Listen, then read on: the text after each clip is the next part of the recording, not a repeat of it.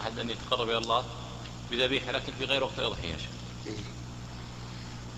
آه، من المعلوم أن التقرب إلى الله بذبيحة في غير وقت الأضحية لا يأخذ فيها أجر الأضحية لكن إن تصدق بلحمها فله أجر الصدقة. وأما أن يأخذ أجر الأضحية فلا. عرفت؟ وحينئذ نقول له لا تتقرب بالذبح. لا تتقرب بالذبح. إلا على نية أنك تريد أن تتقرب بالصدقة بالأحيان نعم.